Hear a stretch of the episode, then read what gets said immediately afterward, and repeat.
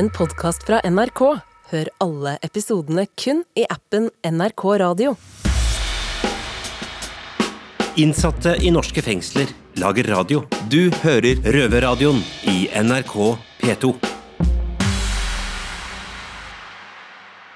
Ifølge Dostojevskij skal et samfunn vurderes ut ifra hvordan det behandler sine kriminelle, og dersom så er tilfellet, så står det ikke bra til med kongeriket Norge. Dette er en sending med tung problematikk og sterke innslag, og vi vil advare lytterne. Vi har ved flere anledninger ropt varsko om forholda innen kriminalomsorgen, og i vinter spurte jeg retorisk om det behøvdes et drap for at forholda skulle endres. Nå har det verste skjedd. En innsatt ved Bredtvet tok sitt eget liv foran øynene på både innsatte og ansatte. Dette har skapt store overskrifter, og omsider satt hjul i bevegelse. Du lytter til Røverradioen. Jeg heter Maiken og satt på Bredtvet til i fjor. Og jeg heter Nina, og jeg sitter fremdeles på Bredtvet ved avdeling B2. Dette er en spesialsending om hvordan Norge behandler sine kvinnelige fanger. I denne sendinga får dere høre fra innsatte som bevitna selvdrapet.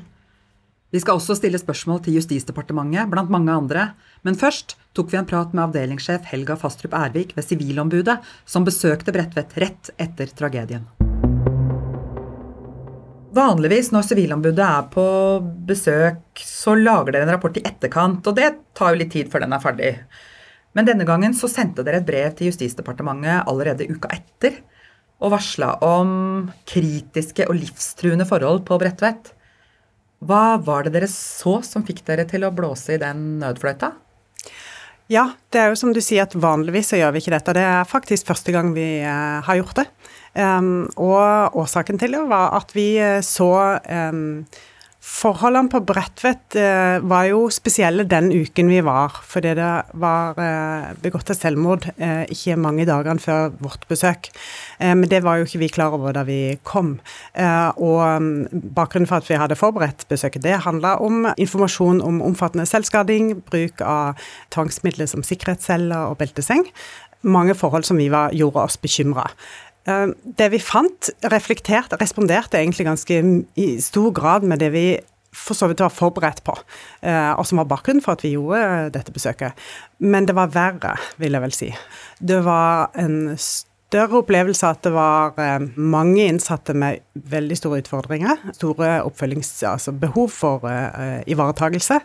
Det var eh, mange innsatte som var veldig berørt av de som hadde store behov, og som også følte at det influerte veldig sterkt på deres hverdag og deres, hvordan de hadde det. da.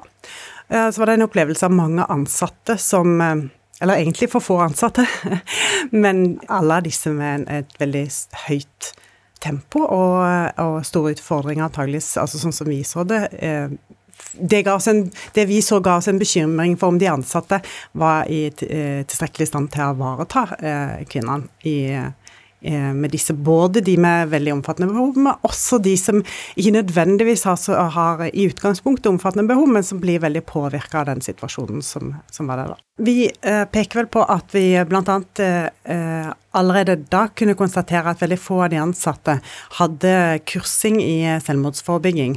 Eh, og det er jo eh, i seg selv en, en ting som vi vil være bekymra for. Og de ansattes kompetanse både i å ivareta altså ved selvmord og forebygge selvmord, eh, og, og, andre, på andre områder, er jo veldig viktig. De ansatte er jo en utrolig viktig ressurs, selvfølgelig, i, i et fengsel. Mm. Ja, for det dere skriver eh, og bl.a. gir uttrykk for bekymring for, er jo at den pressede situasjonen eh, som de ansatte er i, og den manglende opplæring og sånt, og det øker risikoen for at Eh, for at de ansatte kan krenke de innsatte, eh, rett og slett? Vi er egentlig alltid opptatt av de ansatte, særlig hvis de eh, jobber steder der det utøves, utøves, tvang, og der folk kanskje er holdt tilbake på ganske restriktive regimer.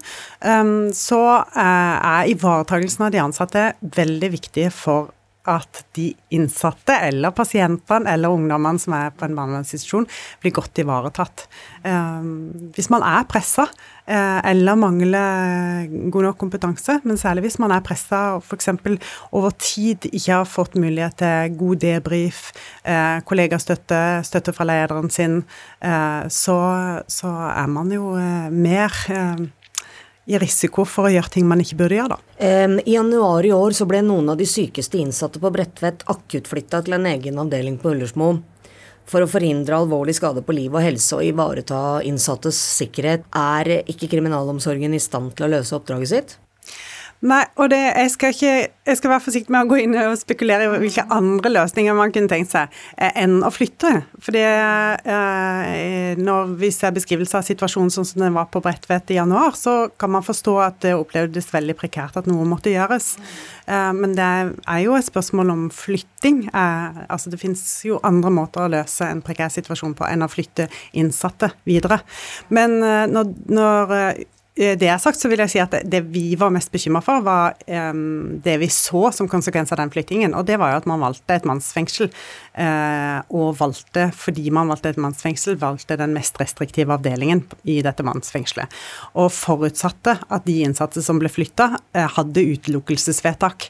Altså at de skulle sitte isolert. Andre um, forhold vi har vært bekymra for, det er bruk av tvangsmidler som sikkerhetscelle Eh, blant annet, der vi har, eh, og også utelukkelse, der vi noen ganger har sett at vilkårene Vi har vært kritiske til om vilkårene har vært oppfylt.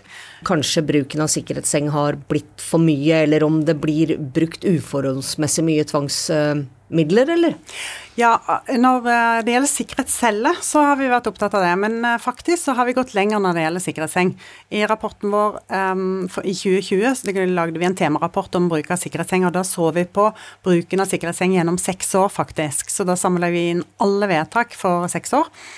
Det funnet som overraska oss mest, det var jo at eh, kvinner faktisk, eh, de kvinnelige innsatte, har fem og en halv gang høyere risiko for å bli lagt i beltet enn de mannlige innsatte. Og øh, sikkerhetsseng, det konkluderte vi faktisk da med i denne temarapporten. At, vi, at vi, øh, vår sterke anbefaling var å avskaffe den.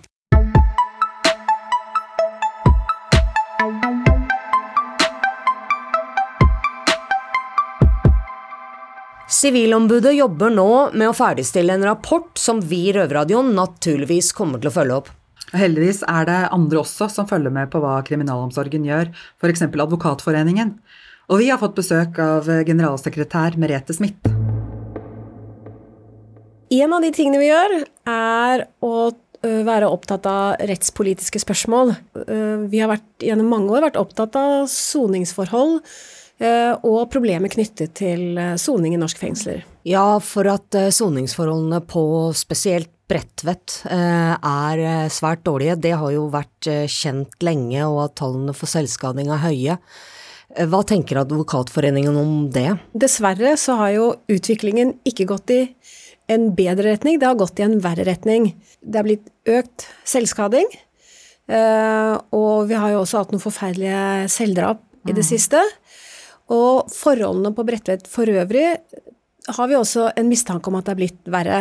Det skjer isolasjon i strid med menneskerettighetene, men også en annen problemstilling som kanskje er blitt mer tydelig i det siste, det er at for de som soner, og som opplever andres eh, problemer, da, for å si det sånn. Mm. Ikke sant? Hvis du, eh, du, hører andre som hyler og skriker, mm. så dunker i veggen, så slår hodet i veggen. I det siste har jo til og med også noen som har opplevd å se en person ta eh, livet av seg. At det i seg selv er eh, uverdige forhold å sone under, og at det i seg selv også innebærer et menneskerettsbrudd. Ja, for tenker, man, tenker dere da at, at det gjør staten ansvarlig for et menneskerettighetsbrudd overfor de andre innsatte? Ja, jeg tenker jo at det absolutt er et uh, synspunkt. Og uh, leder i Menneskerettighetsutvalget, som er advokat Maria Hesten Jacobsen, hun har vært veldig opptatt av det at forholdene har vært uh, kritikkverdig, for å ta et mm. mildt uttrykk, over lang tid. Staten er blitt varslet om det, og det er ikke blitt satt inn tilstrekkelig tiltak for å sikre at, at man har verdige forhold Eh, når man soner på Bredtvet, mm. at det kan innebære et ansvar. Men dere, for dere har jo tatt opp det som du nevnte, dette med isolasjon og sånn. Og da, da kom det jo til et, et forlik hvor staten egentlig innrømmet menneskerettighetsbrudd.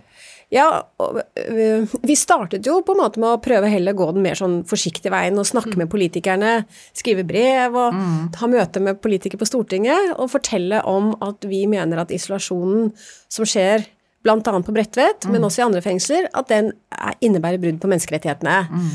Og så opplevde vi på en måte at uh, ingenting skjedde. Vi ble ikke tatt alvorlige. Eh, og så tenkte jeg at ok, det vi da gjør, er å rett og slett gå til søksmål mot staten. Og så hadde vi uh, Vi hatt et par sånne saker, men i, i en av dem, da, der var det en veldig modig kvinne som selv hadde opplevd det forferdelige å, å ligge på sikkerhetsseng. Eh, Altså det som, det, det Ordet er liksom så forsiktig, men det er jo helt Du blir jo, ligger jo belte, Ja, ja. belteseng over mange, mange timer. En gang tror jeg over 30 timer, en annen gang over 40 timer. Altså det er jo helt umenneskelig.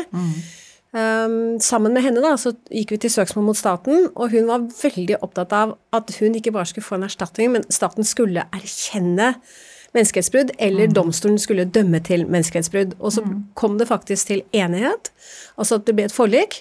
Og da i Så det kom en forlik- erkjennelse, da. Ja, det kom rett og slett en erkjennelse. Men Og eh, dette hva er- blir konsekvensen for staten, da, bortsett fra erstatninga? Trenger de å endre praksisen sin? Ja, altså det, det er jo det gode spørsmålet.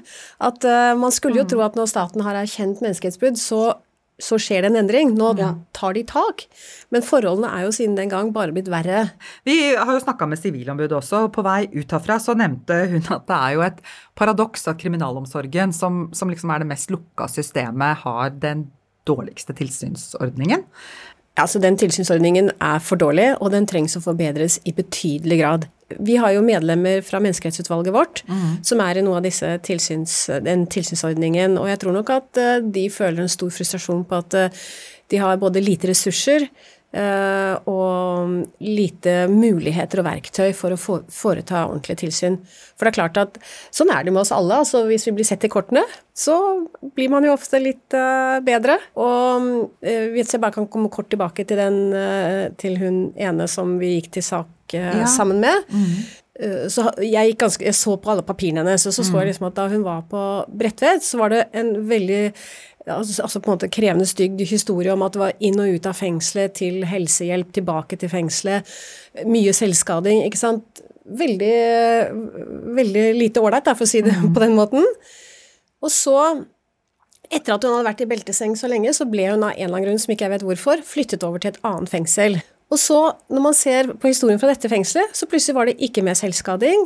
Eh, Det var liksom ingenting, ingenting å rapportere på en måte annet enn vanlig soning. Hva var grunnen til det? Ja, og det spurte jeg henne om. Hva, var grunn, hva skjedde da?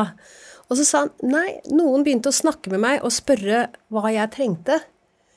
Og, det, og på den tiden så fortalte hun, jeg håper jeg forteller, Jenny forteller riktig, at jeg hadde utrolig mye angst. Jeg, jeg fikk helt sperra av en lukket dør, så da bare satte de celledøren litt på gløtt.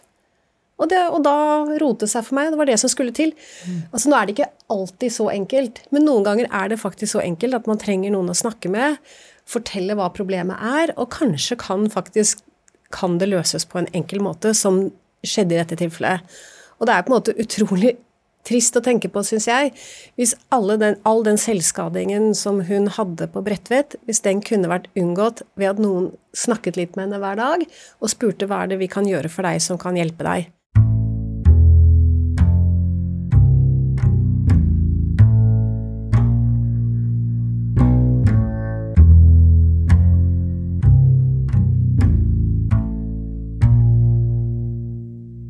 Ja, at det er akkurat kriminalomsorgen som har den dårligste tilsynsordninga, det kommer jo ikke akkurat som noe sjokk på verken eh, meg eller deg, Maiken.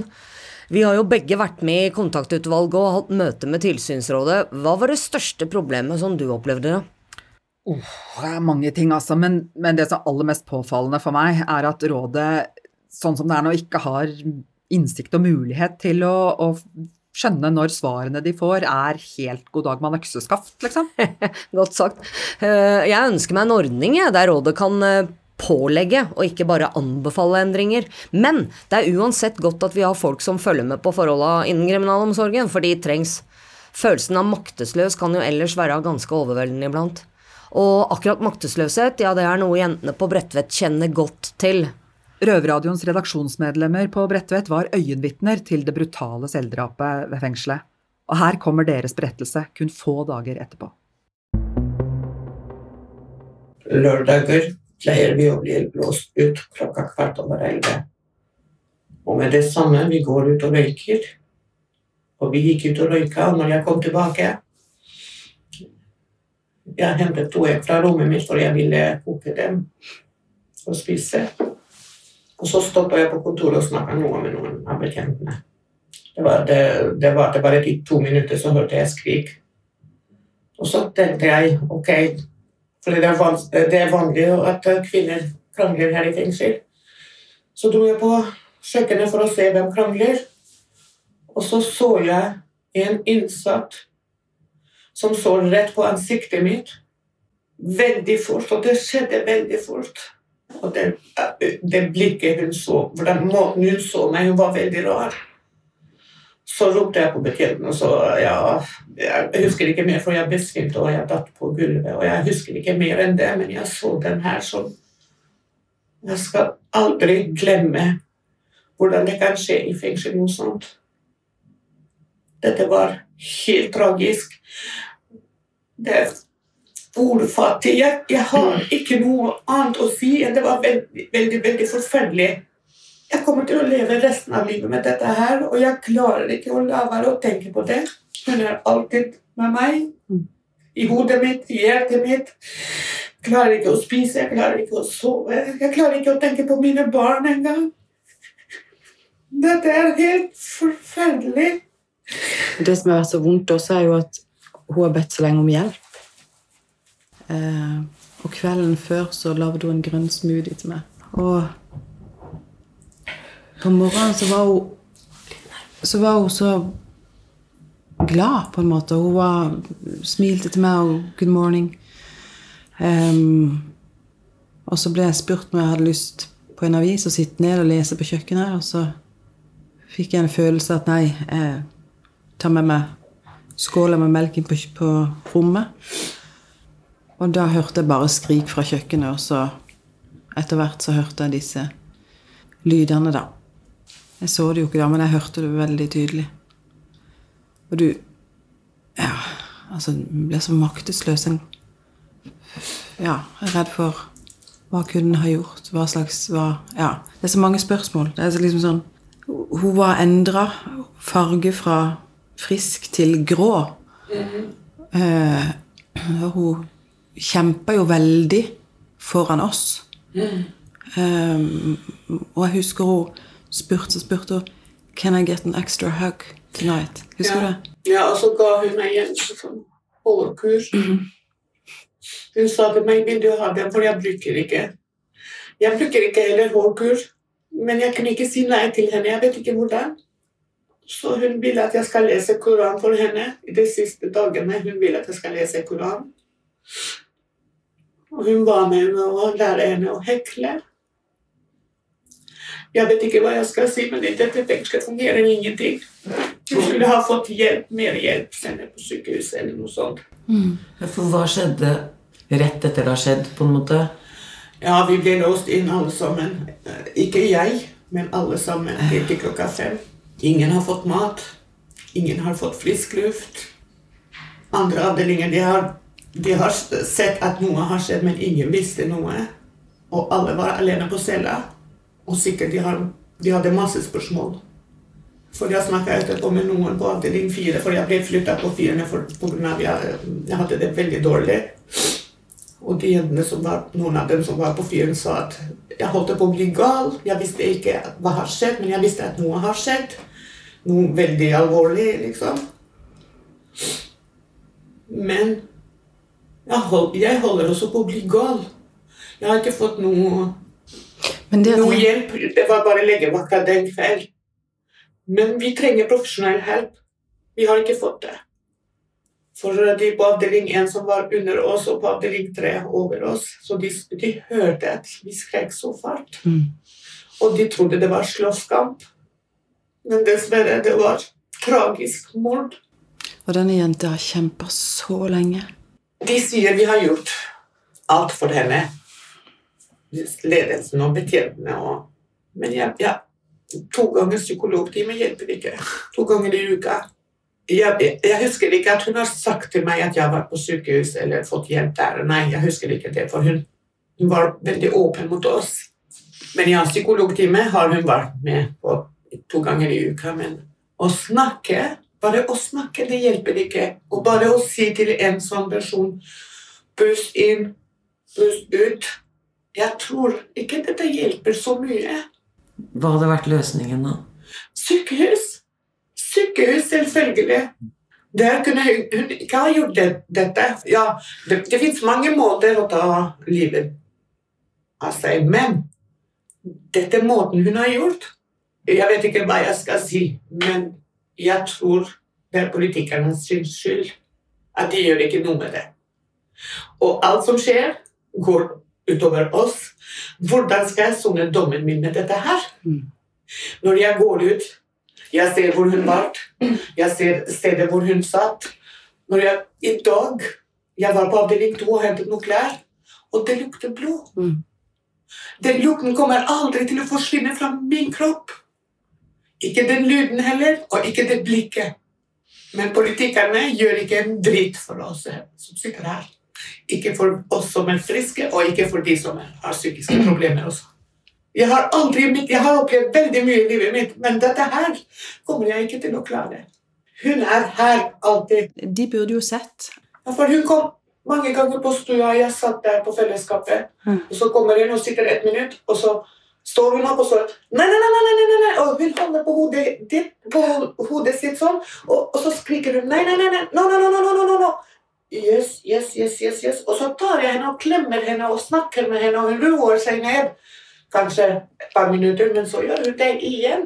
Vi trenger profesjonell hjelp. Det var krisegruppe den sommeren, den lørdag kveld.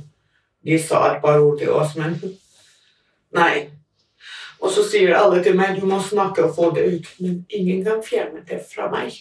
Ingen klarer å fjerne det fra meg, fra hodet mitt, og spesielt fra, fra hjertet mitt. Jeg har så vondt i brystet. Dette fengselet alle kommer til å huske hele livet, alle som var der. Og den lørdagen, den svarte dagen for hele fengselet, 11. mars, det kommer vi aldri til å glemme. Uansett, uansett, fordi vi går inn der. Må, de som sitter på avdeling 2, de må gå og spise på det kjøkkenet. På det kjøkken. De må gjøre alt dette der, fordi de har ikke en annen plass for å sende alle de ti stykker, eller hvor mange de er.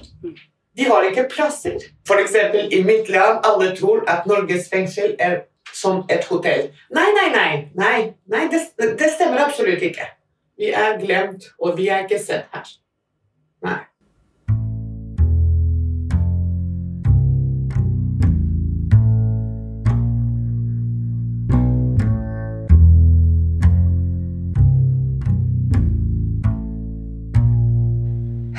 Det er ikke så mye å si om det, altså, men seinere i sendinga tar vi en prat med både fengselsleder og regiondirektør med ansvar for Bredtvet. Det gjør vi, men først så skal vi høre reaksjonen til eh, Røve Christian i Oslo på det vi akkurat hørte fra Bredtvet nå. Litt vanskelig å sette seg inn i, egentlig. Altså, jeg sitter og ser en serie nå på cella mi, som er Walking Dead. Og det er sånne scener du ser der, liksom, som er egentlig Sånn virkelig greier, da. Som du tror du egentlig bare ser på, på TV. Um, men også være der og se det og, og høre det. Det må jo være helt uh, Sånn som de beskriver liksom de lydene og Ja. Uh, se det ekte. Det må være helt for jævlig, altså. Uh, ja, man blir liksom litt sånn målløs, egentlig. Um, og så tenker jeg tenke på den følelsen etterpå, da. Altså bare bli låst på cella di, liksom. Og, og, ikke vite noe mer, da. Ja, det er um, Det er, uh, det er tøffe saker, altså. Ja, vi er helt sjokkert her i Oslo fengsel og hører sånne ting. Jeg håper dere får den hjelpa dere må ha, og, og litt til, egentlig. Så ja, stå på, hold motet oppe. Altså, akkurat den hendelsen er jo så syk at jeg kan nesten ikke forestille meg åssen følelse jentene satt med der. Jeg, jeg har jo sjøl vært med på å oppleve når det har skjedd noe alvorlig i fengselet. Både tidligere selvdrap og, og diverse voldsepisoder. Og det å bli låst inn uten å ha noen å snakke med og uten å vite en dritt om noe som helst, egentlig, det drar i gang en haug med hjernespøkelser. Ja, det er, altså selv om man i utgangspunktet ikke er så plaga, så, så, er det noe med at når det Det har jo skjedd selvdrap mens jeg satt på Bredtvet òg. Det å sitte der og skjønne at noe har skjedd, og ikke vite hva, eller med hvem, det er bare helt jævlig. Mm. Og det å bli innlåst, det er jo egentlig i realiteten eh, å bli isolert. Og um, Christian og CJ ved Oslo fengsel eh, de har prata med presten der om akkurat uh, isolasjon og sikkerhetscelle.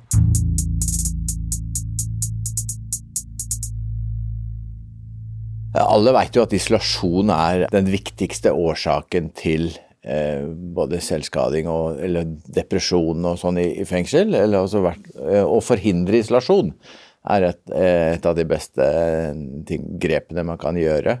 Eh, og så er jo eh, det vanskelig fordi at fengselet er jo på en måte bygd opp på prinsippet isolasjon. Om ikke det er det som er målet, så er det jo det man mm. eh, ender, opp med. ender opp med å gjøre. Mm. Men dersom du skulle hatt uh, mer makt da, i fengselssystemet, hva hadde du gjort for å forbedre situasjonen som vi har i dag?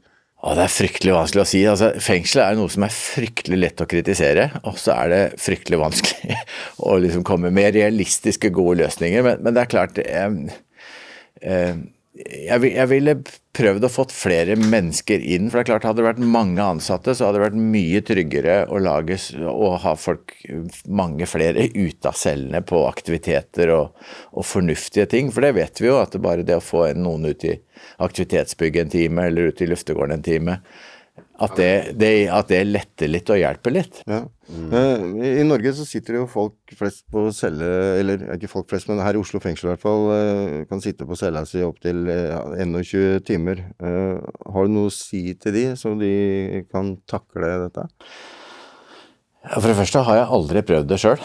Eh, og selv om jeg har vært fengselsprest og hørt historier om dette her i 19 år, så, så, så vet jeg at jeg egentlig ikke klarer å sette meg inn i hvordan jeg, ville hatt det. Kanskje du skal prøve? Ja, men jeg tror ikke Nei, jeg tror ikke for da må jeg gjøre noe alvorlig galt. For jeg tror ikke det holder å bare bli låst inn en uke for å prøve, for jeg vet at jeg kan bli låst ut når jeg vil. Jeg fikk vite nå her om dagen at det var ei jente som hadde da blitt eh, flytta fra Bredtvet til eh, Oslo fengsel og lånt en sikkerhetscelle her. Og det er jo i alle henseender bare en sånn siste utvei for å hjelpe folk til å ikke skade seg selv for mye. Men det er klart det er aldri noe, det er aldri noe god opplevelse for en pasient å, å bli eh, lagt i remmer eller satt på en sikkerhetscelle. Alle som har vært nede i sikkerhetscella skjønner det, tror jeg. Er det noe automatikk i at når f.eks. Bredtvet velger å måtte kjøre ei veldig sjuk uh, i sikkerhetscelle her. Er det noe automatikk i at du får beskjed om at nå kanskje vi trenger deg her nede, eller Det er ikke noe sånn automatikk at jeg alltid får vite om noen som er på sikkerhetscelle. Og så er det jo litt sånn at hvis noen er på sikkerhetscelle, så får jo ikke jeg heller lov å, å gå liksom på en måte inn, inn der. Okay. Eh, nei, da må jeg stå og prate i den luka. Men jeg har vært nede på sikkerhetscella med folk jeg, folk jeg kjenner og har relasjon med er der. Så har jeg vært der nede og bare stått i luka og sagt beklager, jeg kan ikke komme inn. men men jeg skal følge med og besøker deg med en gang du kommer opp på cella di igjen. Men er det ikke litt mer betryggende for de menneskene som befinner seg der på sikkerhetscelle, når de da får en prest på besøk? Eh, jo, det kan det være, men samtidig så er det litt sånn at jeg kan ikke få komme inn. For at hvis jeg får komme inn, så er det ikke noen grunn til å ha noen på sikkerhetscelle lenger, så vidt jeg har skjønt. Innsatte i norske fengsler lager radio. Du hører Røverradioen i NRK P2. Det er jo interessant å høre på presten som har jo som jobb å møte folk i krise, at han står utafor. Kriminalomsorgen sier jo at sikkerhetscelle er siste utvei, men jeg klarer altså ikke å godta premisset om at de som er så fortvila at, at de ikke kan være på egen celle, ikke skal få menneskelig kontakt og omsorg. Altså, noen få kan sikkert være så utagerende at, de, at, det blir utrygt, men når alle skjæres over én kam og bare snakkes til gjennom ei luke, det er jo helt dehumaniserende. Og det er vel det Sivilombudet også mener, da, når de sier at sikkerhetscelle gjør det verre. Ja, jeg satt jo sjøl isolert på sikkerhetscelle i Sverige nesten sju uker i strekk, og hele den tida så hadde jeg bare besøk av presten i ca. en time en gang i uka. Og og vi måtte prate sammen på samme måten som presten i Oslo beskriver, nemlig gjennom en luke. Og følelsen jeg fikk av det, var jo Umenneskeliggjøringa i det var total, og jeg var verken, skal du vite, selvskadende eller voldelig. Nei, Du var satt inn der som en sånn reaksjon, du? Ja, jeg hadde dratt i gang en streik, det er jo en annen historie, ja. men uh, ja. Ja, Men allikevel ble du så isolert. Mm. Det er jo ganske drøyt. Jeg har forresten spurt kriminalomsorgen jeg, om akkurat det med at noen blei sendt til Oslo nå nylig. Og sist var det visst fordi gulvet i de cellene på Bredtvet var i ferd med å gå i oppløsning, så sikkerhetscella var rett og slett ikke sikker lenger. Ja, det sier jo nesten alt om hvor nedslitt den bygningsmassen ved Bredtvet er, faktisk. Men selvdrapet førte i alle fall til at kriminalomsorgen nå er lova noen ekstra kroner i revidert eh, nasjonalbudsjett. Og du fikk jo tatt en prat med statssekretæren ved Justisdepartementet der, nemlig Jon Erik Vika. Altså Nå ser man da ekstrabevilgning på 102 millioner, og det høres jo supert ut. Men det er jo ikke så fryktelig mye penger eh, når man begynner å se på hvordan kostnadene er og, og, og skal fordele det utover. Ja. Nei da, men 102 millioner kroner er jo mye penger. Og så er er jo saken den at uh, hadde vi ikke fått de pengene, så hadde det vært enda mørkere enn, enn det blir. Så det er jo med på å dekke de ekstraordinære utgiftene bl.a. som man har hatt, så man slipper da å å eh, sette i gang sparetiltak eller eh, nedskjæringstiltak for å gå i null i et budsjett. Mm. Så, så, man reduserer liksom for 2023. Her har vi liksom klart å, å, nulle ut den. Og I tillegg så kommer det ekstra penger da særlig over til, eh, til kvinne, kvinnelige forhold. Ja, Men gjør det egentlig det? Fordi, fordi helt enig, altså denne, denne ekstrabevilgningen gjør jo at, at det er en del større eh, kutt og innstramminger som, som, man da slipper. Men, men man må fortsette den innstrammingslinja som man gjør. Og nå er det jo en del ting som skjer, eh, bl.a. etter dette selvdrapet på, på, på Bredtvet, med flytting eh, til Skien. Det skal tilpasses der. Det gjøres omsider noen endringer eh, på Bredtvet. Så hvor mye penger er det igjen eh, når de ekstrakostnadene er dekket? Det er vanskelig å si, men det er iallfall 50 millioner kroner da, som går til ekstraordinære tiltak. Og deriblant 15 millioner kroner som går eh, rett og slett til kvinnesoningsforholdene. Mm. For, for, et poeng er jo at kvinnene de har jo hatt eh, dårligere forhold enn menn. Det er vel kjent. Og her er vi for likestilling. Og, og derfor så er kvinner de, Det er klart at kvinner skal ha de samme forholdene og soner under som menn har. Mm. Og det er annet det disse pengene går til nå, det er jo at vi klarer å å, skille kvinner ut ifra bl.a. mannsfengsler, hvor de soner felles. Og at vi får en, et sted som nå er bestemt til, til Skien, hvor man da også får en bedre ressurs med hensyn til helsebiten. Hvorfor kommer det nå, den biten nå altså Nå ble det jo besluttet etter eh, den hendelsen på Bredtvet, eh, med flyttingen til Skien og, og, litt sånne ting. Men dette har jo vært kjent lenge? Nei, det kan, du, det kan, du, si. Vi får være glad for at det kom nå. At vi da kan kjempe om enda mer penger i det budsjettet som gjelder for 2024. Mm. Vi har liksom tatt det steget nå, da. Men vi har jo gitt vi har, vi har, klart å få inn 145 eh, millioner kroner i løpet av 2022 og 2023 til kriminalomsorgen.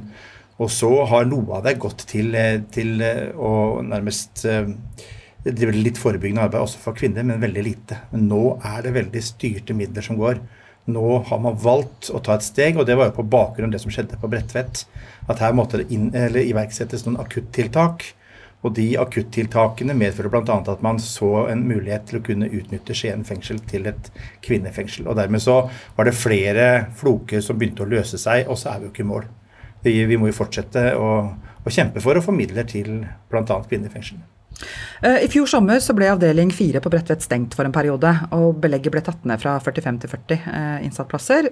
Eh, Bl.a. for å ha mer ressurser på de gjenværende tre avdelingene, fordi situasjonen var så pressa, det var høyt sykefravær, og det var mye syke folk. Og det har jo lenge vært kjent at det har vært mange tungt psykisk syke på Bredtvet, også før man akuttflytta kvinnelige innsatte til Ullersmo eh, på nyåret. Hvorfor er det ikke etablert en nasjonal forsterket fellesskapsavdeling for kvinnelige innsatte, eller hvorfor er ikke det på blokka? Det er på blokka.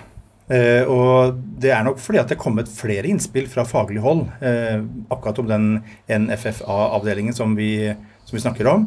Og, og, der jobber vi nå sammen med Helse- og omsorgsdepartementet for å finne en løsning for uh, å se på samme modell som vi har på, på, Ila, eller som vi får på Ila nå hvert øyeblikk. Kriminalomsorgen har beskrevet hvordan innsatte som har blitt lagt inn etter selvmordsforsøk, har blitt gjenopplivet og utskrevet samme dag og returnert til fengsel. Mm.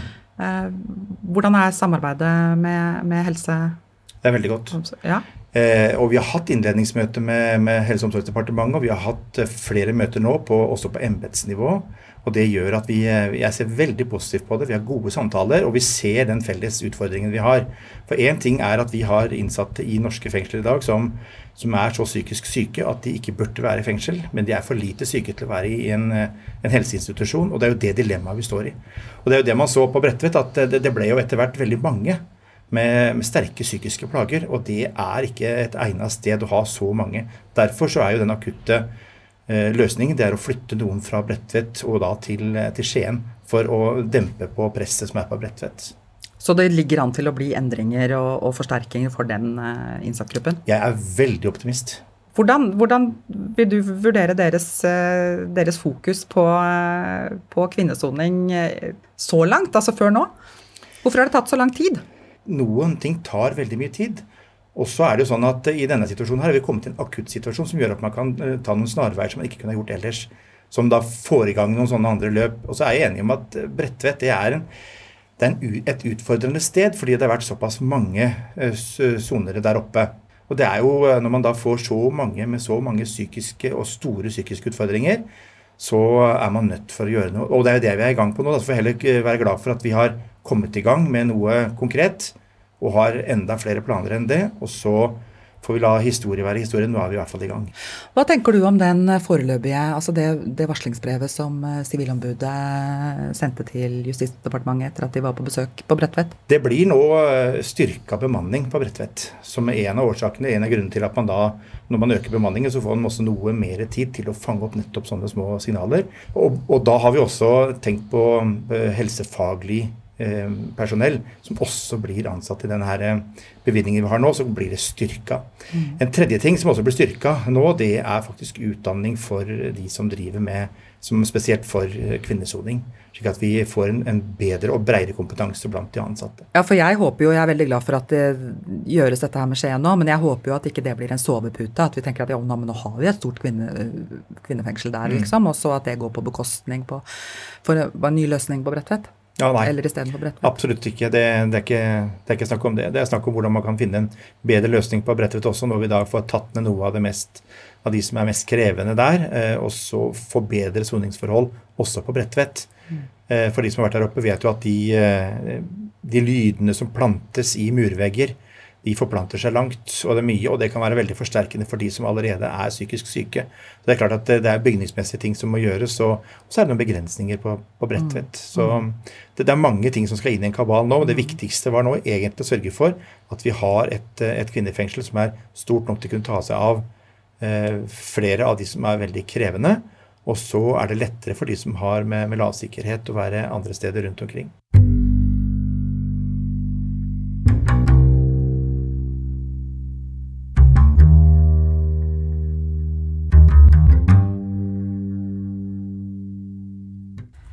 Ja, det er godt at det er noen som er litt optimistiske, for det kan trengs. Det har vært utrolig mange kutt over lang, lang tid, og svære høl som skal tettes. Ja, for det har jo brent på dass på Bredtvet lenge nå. Du, Maiken, tok turen til Lillestrøm, til KDI, for å prate med regionsdirektør Stig Storvik og høre hvordan de jobber med situasjonen. Vi har en såkalt budsjettfordelingsmodell da, i kriminalomsorgen, hvor man fordeler pengene ut ifra antall plasser man har. Um, og når det gjelder kvinneplassene, altså både på Ravneberget og Bredtvet, så passer ikke de helt inn i budsjettfordelingsmodellen. Mm. Uh, fordi vi ser at de er litt dyrere å drive enn ordinære mannsfengsler på høyere sikkerhet. Det regionen da har gjort, er å omfordele noe når det gjelder kvinner. Det som har skjedd da, er at vi har styrket eh, budsjettet til Bredtvet med sånn ca. 10-11 millioner de siste årene. Men det har jo selvfølgelig gått på bekostning av noe, og det er på bekostning av de andre fengslene da i Region Øst. Når eh, den ene avdelingen ble stengt på, på Bredtvet i fjor, hva var det som var bakgrunnen for det? Det som var bakgrunnen for det, var et veldig høyt uh, sykefravær. Uh, var, vi hadde store utfordringer på bemanningssiden. Og på det tidspunktet var det ganske mange psykisk syke innsatte. Og en del av dette sykefraværet er relatert til arbeidssituasjonen. Vi så det at det var, det var nesten uforsvarlig. Så vi, eh, regionen, ba da eh, direktoratet om å kunne redusere antall plasser på Bredtvet fra 45 plasser til 40 plasser. Og så ba vi om at eh, en av avdelingene ble midlertidig stengt, slik at vi kunne flytte mannskaper fra denne avdelingen over i de andre avdelingene for å styrke bemanningen der. Men så ble det jo da i, på nyåret eh, så ble det jo besluttet at noen innsatte skulle flyttes eh, til Ullersmo. Ja, og da var det igjen en kritisk situasjon hvor det var veldig mange eh, psykisk syke innsatte. Eh, det var omfattende bruk av tvangsmidler, altså sikkerhetscelle og sikkerhetsseng, kombinert med lav bemanning pga. høyt sykefravær. Og da mente vi at det, det eneste forsvarlige å gjøre da, det var å, å, flytte de ut av Bredtvet. Vi prøvde selvfølgelig først å flytte de til andre enheter som har eh, kvinner. Eh, men eh, det var ikke lett å få flyttet de over til disse mindre enhetene, for de er ofte ikke så robuste til å kunne håndtere de. De har ikke bygningsmasse til å klare å håndtere en situasjon hvor hvor flere er utagerende, og, mm. og, det er behov for å, å bruke disse tvangsmidlene. Er på en måte ikke kriminalomsorgen rigget for å håndtere sine innsatte? Nei, I den situasjonen som, vi, som oppsto på det tidspunktet, så var vi jo ikke det. Fordi eh, så Og vi, vi, tar absolutt til oss kritikken fra Sivilombudet, mm. men der og da så så ikke vi noen annen løsning enn å flytte de over. Eh, i den Gjorde kriminalomsorgen da noe forsøk på å få de lagt inn f.eks. på psykiatrisk? Ja, det gjør vi hele tiden, egentlig. Eh, men eh, det er ikke lett å få de lagt inn. Og vi ser jo også det at eh, når en innsatt begynner å bli urolig, så får det en sånn smitteeffekt for de andre. Ehm, bygningsmassen på Bredtvet bærer lyden dessverre veldig godt, slik at det er lett å høre når eh, noen blir urolig. Og det er klart at eh, det å bli utsatt for andres lidelse, det er ikke bra for noen. Nei. Men hvordan er det nå på Bredtvet eh, og med, med, bruk av sikkerhetscelle og sånn? Jeg har hørt noe om at, er, at, at man bruker sikkerhetscellen i Oslo fengsel. Ja, vi, eh, i et tilfelle så måtte vi det. Sikkerhetscellene på Bredtvet eh, måtte renoveres i all hast. Det var løse gulvet som begynte å løsne, og man kunne da bruke biter av gulvet til f.eks. selvskading osv. Er det noen andre ting eh, som dere gjør for å støtte Bredtvet? Ja, en rekke tiltak som, som vi har vært inne og, og bistått f.eks. brettet med. Eh, når det har vært veldig lav bemanning, så har vi prøvd å omdisponere mannskapet fra nærliggende fengsler til Bredtvet for å styrke bemanningen der. Mm. Vi eh, har vært en pådriver for å få på plass dette ressursteamet som vi etablerte på Bredtvet i fjor. Mm. De konsentrerer seg eller jobber opp mot de innsatte som sliter spesielt mye. Eh, eh, og som de sørger for å få ut av cella, eh, få de i aktivitet, få meningsfull menneskelig kontakt. Det vi ønsker, det er jo at å styrke samarbeidet mellom ressursteamet på Bredtvet og NFFA på Ila. NFFA, ja, NFFA er Nasjonal forsterket fellesskapsavdeling. Ja. Som er et tilbud for utagerende psykisk syke innsatte. Og de har en, en tung kompetanse, og vi ønsker da ha et sterkere samarbeid mellom NFFA uh, på Illa og ressursteam på Bredtvet. Mm. Uh, vi har innhentet informasjon fra kriminalvården i Sverige, uh, hvor de har ganske sånn en, en, ganske omfattende rutine på at, på at de gjør jevnlige samtaler hvor bl.a. screening for selvmordsfare er en del av det, bl.a. i forbindelse med alle overganger. Vi har absolutt noe å lære på dette området. Og, og, det høres veldig interessant ut, eh, det man gjør i Sverige. Eh, mm. Med at overganger eh, eller når det skjer dramatiske ting, at man da har rutine for å, å skrine, som du sier. Mm. Ja. Det er jo mye som dreier seg om, om, økonomi. Eh, og Hvordan har det vært nå? For det har jo kommet noen ekstratildelinger. Altså man har jo hatt disse Det har vært mye ekstraordinære kostnader også de siste årene. ikke sant? Eh, ja, Bare hva slags kostnader da? Energikostnader har jo vært eh, veldig eh, byrdefylt for kriminalomsorgen. Vi har en voldsom eh, bygningsmasse. Vanligvis så har kriminalomsorgen brukt 75 millioner i året på energi. I fjor byksa det opp til 115 millioner nesten. Eh, og vi forventer i år eh, energikostnader på 160-170 millioner. I tillegg så er det jo en en ganske stor prisvekst, eh, og den blir heller ikke kompensert fullt ut. Legger man alt dette sammen, så blir bildet nokså dystert.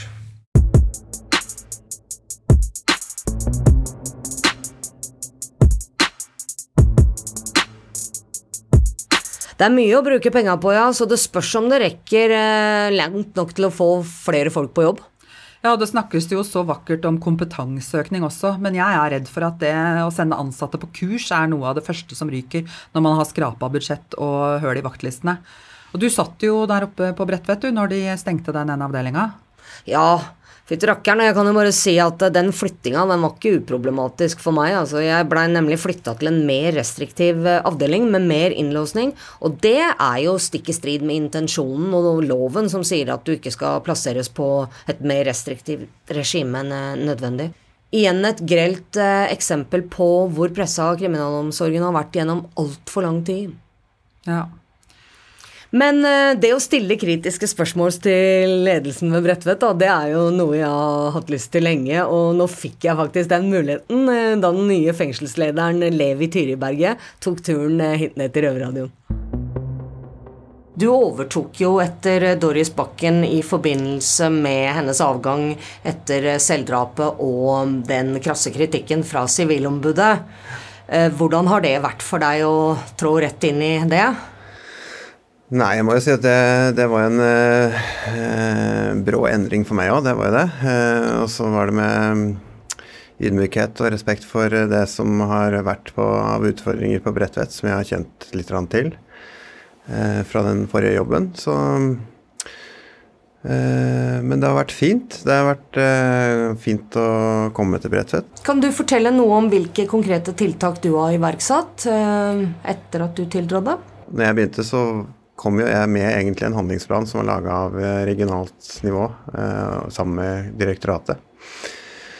Så det var en liste på 15-16 handlingspunkter eh, som vi har begynt med direkte egentlig fra jeg kom, med, hvor det ene har vært en styrking av eh, ansatte. Både fengselsbetjenter og to fagstillinger bl.a. Eh, sosialkonsulent og tilbakeføringskoordinator, som ikke har vært der på en stund. Ja, det var jo veldig nødvendig. I hvert fall de to stillingene der. Det har ja. jo vært flere år uten, med fravær av det, så Ja, og det er flere stillinger også som har vært tatt ned i omstilling på Bredtvet. Men uh, dette er to av de, og, og de er nå tilbake som midlertidig, og så er de også lyst ut for faste stillinger. Mm.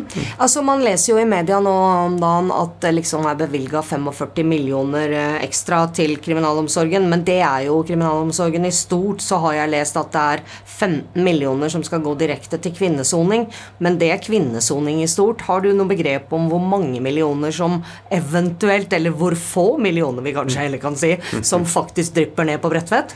Nei, det er tidlig å si ennå. Det, eh, det, vet vi. Det vet ikke jeg. Eh, vi skal ha et møte med direktoratet i dag, så jeg håper kanskje vi får noe, noe svar på det da. Men, eh, men om det er én million til oss og resten til Skien, eller motsatt, eller om det er noe midt på, det, Nemlig. det vet det er, det er jo det jeg frykter også, så det er godt å høre også fra deg. Nå vet jeg for øvrig at du egentlig aldri kommenterer enkeltsaker, men dette her er jo en Bredtvet spesialsending, og vi veit jo at selvdrapet der var varsla, så vel til helse som eh, til mm, avdelingen, for så vidt, og det kommer vi til å adressere. Jeg vil gi deg muligheten til å kommentere det.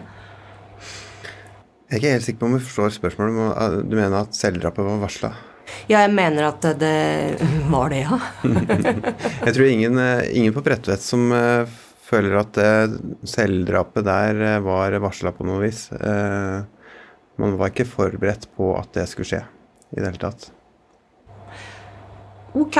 Uh, men, men, det jeg kan si generelt, det er jo at, at vi, på Bredtvet så er det jo har over lang tid vært veldig mye selvskading og, og selvmordsforsøk. Og så er det en veldig vanskelig grensegang hva som er selvmordsforsøk og hva som er selvskading.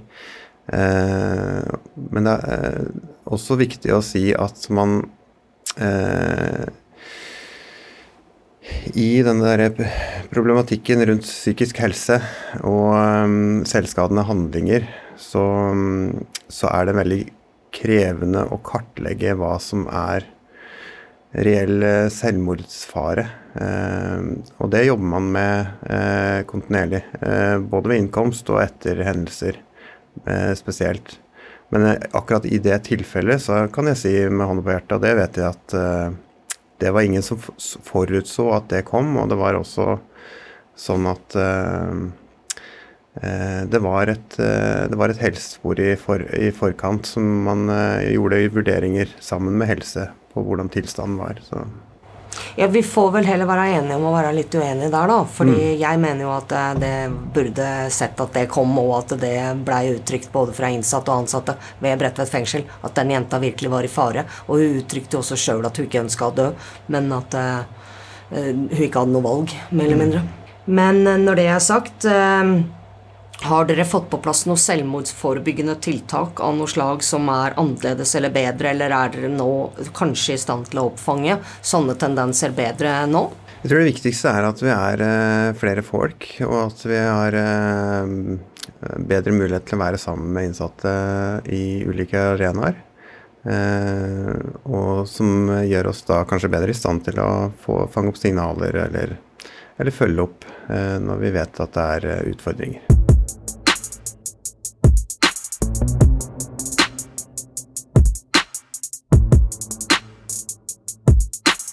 Ja, en eh, nøktern og befriende ærlig kommentar fra fengselslederen der om hvor mye penger som faktisk kanskje ender på Bredtvet. Kanskje muligens. Ja, det blir spennende å se åssen uh, det går med hele den tiltakspakka. Altså, det må jeg si. Helt klart. Men et tiltak som kanskje ikke behøver å koste skjorta, men som betyr mye for oss røvere, nemlig det å lufte i dagslys, det burde de faktisk klare å gjennomføre, syns jeg.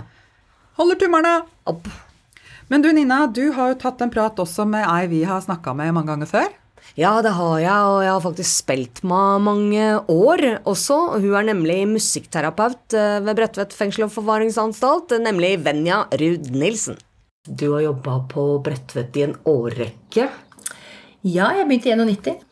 Eh, hva, hva, kan man gjøre, eller hva gjør du hvis du opplever at noen kanskje er for syke til å egentlig være der?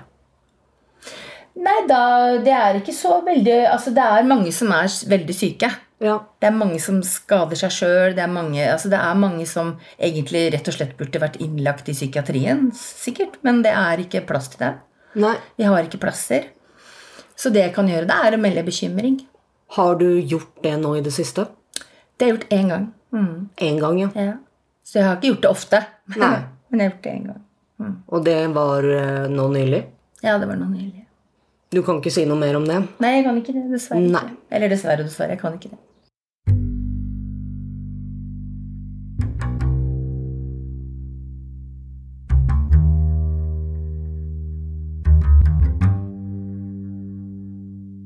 Det arbeidet med denne sendinga og mine elleve år i kriminalomsorgens kjærlige varetekt har lært meg, eh, er at det trengs flere penger.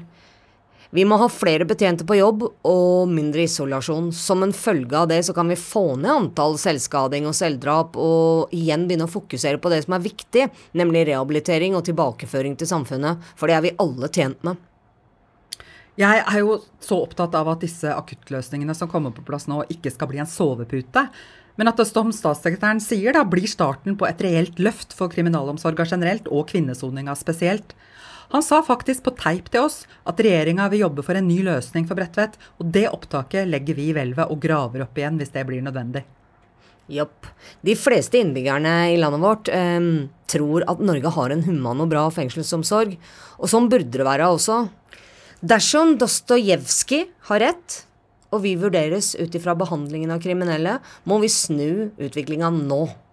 Varetektsfanger, domfelte og pårørende til disse er ikke en sterk pressgruppe i Norge, men vi håper likevel et samla storting kan stille seg bak økte bevilgninger, sånn at det humane fengselsvesenet vi har på papiret i Norge, blir virkelighet, også for de av oss som sitter inne. Du har hørt på Røverradioen, og jeg heter Maiken og satt på Bredtvet til i fjor. Og jeg heter Nina og sitter fremdeles på Bredtvet, avdeling B2. Vi er tilbake fredag klokken 14.00 på NRK P2 eller på podkast når og hvor du vil. Hvis du ikke, som meg naturligvis, sitter i fengsel. Røverradioen er laga for og av innsatte i norske fengsel. Tilrettelagt for streitinga av Klynge for NRK. Og redaktør i NRK er Ole Jan Larsen. Du har hørt en podkast fra NRK. Hør alle episodene kun i appen NRK Radio.